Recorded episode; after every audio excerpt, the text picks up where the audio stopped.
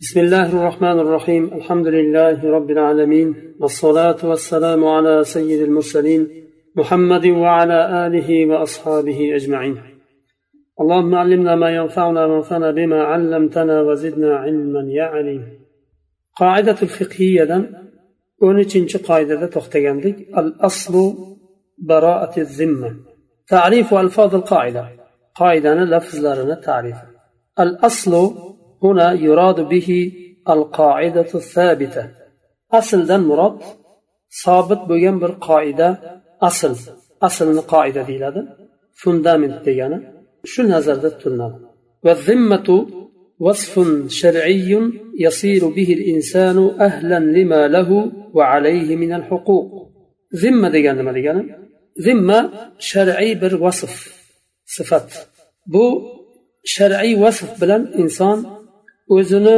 foydasiga va zarariga bo'lgan huquqlarga ahl bo'ladi insonni foydasiga bo'lgan huquqlar bor va zarariga bo'lgan uni ustidagi zimmasidagi huquqlar ham bor أي بالذمة تثبت للإنسان أهلية الوجوب وهي صلاحية الإنسان لأن تثبت له أو عليه الحقوق وثبوتها بالذمة يعني إنسان دا واجب ahliyati sobit bo'ladi zimma bilan. Va bu vojib ahliyatni insonni solih bo'lishligi yaroqlik bo'lishligi uni u zimma ya'ni zimmadan murod inson uni foydasiga yoki uni zarariga bir haqlar sobit bo'lishiga salohiyatli bo'lishligi. Inson tug'ilishi bilan uni foydasiga haqlar bo'ladi. Uni haqqi bor. Ota onasini ustida masalan haqqi bor. yashab turgan davlatini ustida haqqi bor. Uni boqish kerak qarash kerak. Shunga o'xshagan haqlari bor. Lekin salohiyatli bo'lmaydi to balog'atga yetmaguncha juda ham ko'p uni ustida vojib bo'lgan haqlarga salohiyatli bo'lmaydi chunki u hali yosh. Va zimma zimmada sobit bo'lishligiga salohiyatli bo'lishi kerak inson yaroqlik. Va zimmatu insani min lahzati hayyan. Inson tirik holda tug'ilishi bilan uni zimma sobit bo'ladi unga ya'ni zimma bor. Hali vojibotlar yo'q lekin haq unga u uchun o'tashlik kerak bo'lgan uni foydasiga o'tashlik kerak bo'lgan haqlar sobit bo'ladi.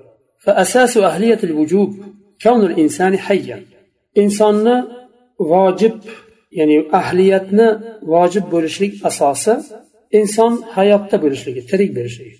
إذ ما من مولود يولد حيا إلا وله ذمة biror bir tirik tug'ilgan bola yo'qki uni zimma bo'lmasa zimma bilan tug'iladi tug'ilishi bilan agar tirik bo'lsa uni zimmasi bor zimma bor degani demak shu zimmasida huquqlar bor uni foydasiga bo'lgan huquqlar وعلى أساسها تكون له أهمية وجوب كاملة shu zimmaga asosan uni komil vojib ahamiyati sobit bo'ladi والمراد ببراءة الذمة إن أصلنا بهذا تفسير قلنا براءة الذمة عند المراد نما والمراد ببراءة الذمة أي خلو الذمة وعدم انشغالها بأي حق للغير.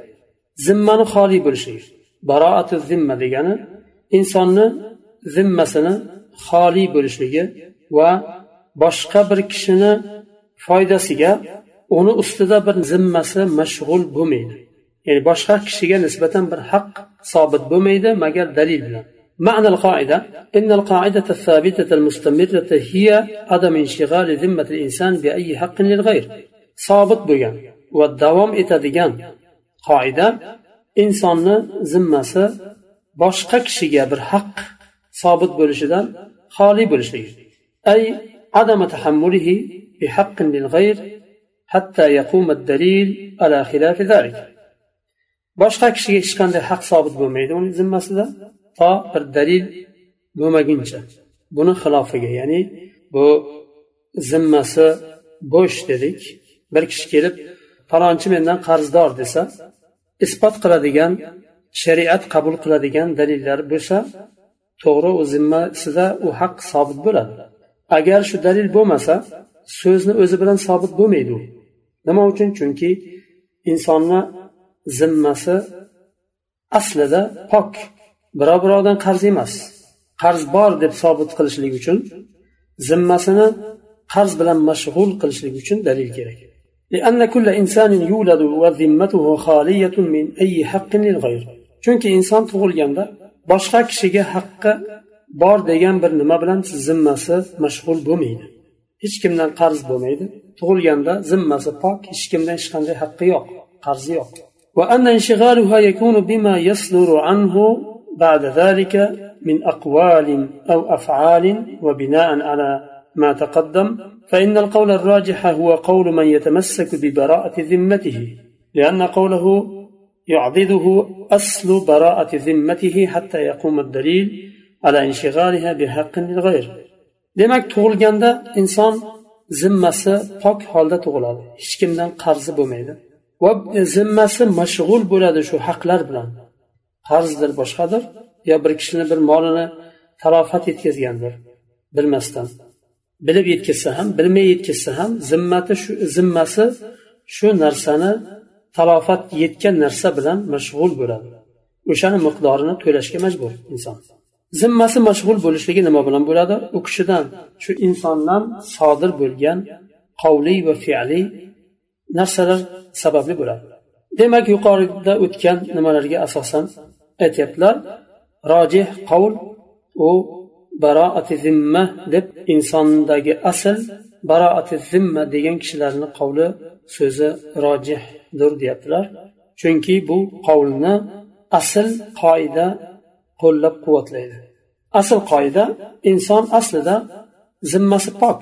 Meni molimga talofat yetkazdi deb davo ochadigan bo'lsa bu davoni isbot qilmaguncha u kishini zimmasida bu narsa sobit bo'lmaydi. Bu talofat yetgan molni muqobili qiymati sobit bo'lmaydi. Mendan qarz olgandi deb davo ochadigan bo'lsa uni isbot qilmaguncha dalil bilan zimmasi shu qarz bilan mashg'ul bo'lmaydi. nima uchun chunki asl zimmat zimmani pok ekanligi ya mendan mol olgandi uni haqqini haligacha bermadi to'lamadi deydigan bo'lsa unga ham dalil kerak agar dalil bo'lmasa quruq so'zni o'zi bilan muddao alayhini zimmasi mashg'ul bo'lmaydi bu qarz bilan yo haq bilan فروع القاعدة ونطاق تطبيقها لقد أخذ بهذه القاعدة في القضايا المدنية والجزائية ولذلك كان نطاق تطبيقها واسعا على هذا فمن ادعى على غيره حقا فالأصل عدمه إلا إذا أثبت المدعي ذلك ومن فروع هذه القاعدة وتطبيقاتها عند قاعدة فرع وأن تطبيق قلشلك دائرة bu qoidani ulamolar olishdi madaniy muammolarda va jazoiy muammolarda buni olishdi shuning uchun bu qoidani tadbiqi keng bir doirada qo'llanildi. Shunga ko'ra kim boshqa bir kishini ustiga bir haqni davo ochadigan bo'lsa asl buni yo'q ekanligi zimmasi shu haq bilan mashg'ul emasligi u asl. To muddai buni dalil bilan isbot qilmaguncha muddao alayhini zimmasi bu da'vodan pok bo'ladi. Bu qoidani far'lari va tadbiqotlari إذا اختلف المتلف أو الغاصب مع صاحب المال في قيمة المال المتلوف أو المغصوب القول قول المتلف أو الغاصب لأن الأصل البراءة أما زاد وعلى مدعي الزيادة وهو صاحب المال إثبات الزيادة. agar talofat yetkazgan kishi bir kishini moliga talofat yetkazdi yoyinki g'osib g'osib bir kishini molini tortib yo bosib olgan kishini g'osib deyiladi. Bosqinchi inson molini tortib olgan inson yoyinki talofat yetkazgan inson boshqa bir kishini moliga shu molni sohibi bilan ixtiroflashdi talofat yetgan molni yoyinki tortib olingan molni qiymatida ixtiroflashdi. Birisi masalan yuz lira desa talofat yetkazgan kishi yo tortib olgan kishi yuz lira desa molni sohibi ikki yuz lira dedi masalan. Bu holda talofat yetkazgan kishini so'zi yoyinki tortib olgan kishini so'zi olinadi talofat yetkazgan mol u yo'qoldi. Tortib olingan molni ham masalan ishlatib yuborgan bo'lishi mumkin. Agar mavjud bo'lsa boshqa narsa. Molni o'zini qaytaradi. Bu holatda mutlifni yo g'osibni so'zi olinadi. Nima uchun? Chunki g'osib o'zi e'tirof etgan tan olgan qiymatdan ziyodasi uchun nima kerak? Dalil kerak. Chunki u kishini zimmasi aslida pok. Tan olyapti. To'g'ri men talofat yetkazdim. Buni qiymati mana shuncha. Agar mol sohibi ziyoda ekanini isbot qilolmasa talofat yetkazgan kishi yo tortib olgan kishi e'tirof etgan qiymatda qoladi. Shuning uchun va ala muddai ziyoda ziyoda ekanini davo qiladigan kishi va u kishi kim sohibil mol shu ziyodani isbot qilishlik kerak ولذلك إذا اختلف المستقرض والمقرض في مقدار القرض فالقول قول المستقرض وعلى مدعي الزيادة وهو المقرض البينة shuningdek agar qarz olgan kishi qarz bergan kishi bilan ixtiloflashsa birisi ming lira qarz oldim deyapti qarz bergan kishi ikki ming lira berdim deyapti bu holatda qarz olgan kishini so'zi olinadi agar qarz bergan kishi ikki ming lira ekaniga dalil keltirolmasa nima uchun chunki asl u kishini zimmasi pok bo'lgan tan olyapti tan olgan narsasida to'xtaydi undan ortiqchasidan zimmasi pok to dalil sobit bo'lmaguncha وإذا اختلف البائع والمشتري في ثمن المبيع بعد هلاكه أو بعد خروجه من ملكه فالقول قول المشتري وكذلك إذا اختلف المستأجر والمؤجر في مقدار الأجرة بعد استيفاء المنفعة. فالقول قول المستأجر وعلى البائع والمؤجر البينة لإثبات الزيادة التي يدعيها. أجر sotuvchi bilan oluvchini o'rtasida ixtilof chiqsa bir molni sotib olgandan keyin bu mol halok bo'ldi halok bo'ldi deyishdan murod uni ishlatib yuborgan bo'lishi ham mumkin. Yoyinki uni mulkidan chiqdi. Bir molni sotib oldi va sotib yubordi. Masalan yoyinki hadya qilib berib yubordi yo sadaqa qilib tarqatib yubordi. Buni mulkidan chiqdi. Bu holatda mushtariyni so'zi olinadi. Agar sotuvchi dalil bilan isbot qilmasa ziyoda ekanini mushtariy aytgan narxda qoladi. Shuningdek ijaraga oluvchi bilan ijaraga beruvchi kirani miqdorida ixtiroflashsa manfaatini foydalanib bo'lgandan keyin hozir uyni kiraga o'tirgan kishi manfaatini to'la foydalangandan keyin degani bir oy o'tirdi undan keyin kirasini beryapti. O'tirmasdan oldin emas. Yoyinki bir arabani kiraga oldi ikki kun uch kunlik yo bir haftalik. Foydalanib bo'lgandan keyin u arabani manfaatlaridan foydalanib bo'lgandan keyin qaytarib sohibiga egasiga topshirayotganda buni kirasi buncha degandingiz desa va kiraga beruvchi uni xilofini aytsa undan ziyoda aytsa u holatda kiraga oluvchini mustajirni so'zi asl hisoblanadi so'zida to'xtalinadi u kishini so'zini olinadi to kiraga bergan kishi dalil bilan isbot qilmaguncha nima uchun chunki asl qoida u kishini zimmasi o'zi tan olgan e'tirof etgan miqdordan ziyodasidan pok أما إذا وقع الاختلاف بينهما قبل هلاك المبيع أو خروجه من ملكه أو قبل استيفاء المنفعة فالحكم أنهما يتحالفان ويترادان المبيع والمأجور agar mol mulkidan chiqqan bo'lsa dedik yo halok bo'lgan bo'lsa dedik yo manfaatini to'la foydalanib bo'lgandan keyin dedik. Ammo agar shuni oldin bo'lsa hali mol halok bo'lmagan yo hali mulkidan chiqmagan yoinki hali kiraga olgan narsani manfaatidan hali foydalanib bo'lmagan bu holatda ikkalasini ham qasam ishtiriladi ming lira degan mustajir yoki mushtariy qasam ichadi. Yolg'on aytmayapman buni kirasi yo buni haqqi narxi mana shu edi. Ming lira edi deb qasam ichadi va sotuvchi yo kiraga beruvchi bunday emas edi. Ikki ming lira edi deb qasam ichadi va qasam ichgandan keyin ikkalasi ham qaytaradi. Sotib oluvchi kishi mushtariy molni qaytaradi. Yo kiraga oluvchi kishi kirasini qaytaradi. Kiraga olgan narsani va sotuvchi yo kiraga beruvchi kishi pulni qaytaradi. Ya'ni o'rtasidagi aqd buziladi. Agar undan keyin kelishadigan bo'lsa mayli shu miqdorga roziman desa sotuvchi yo kiraga beruvchi va shuni mushtariy yo kiraga oluvchi mustajir rozi bo'lsa yangidan keyin yana aqd tuzadi. ammo oldingi aqd buzildi deyiladi tamom وهذا إذا لم يكن لأحدهما البينة على ما يدعيه وبهذا جاءت المادتان 1778 و 1779 من مجلة الأحكام العدلية bu yuqorida aytgan hukm qasam eshitiriladi va qaytariladi dedik agar ikkalasidan bittasida dalil bir hujjat bo'lmasa ammo dalili bo'lsa bu holatda hukm boshqa bo'ladi.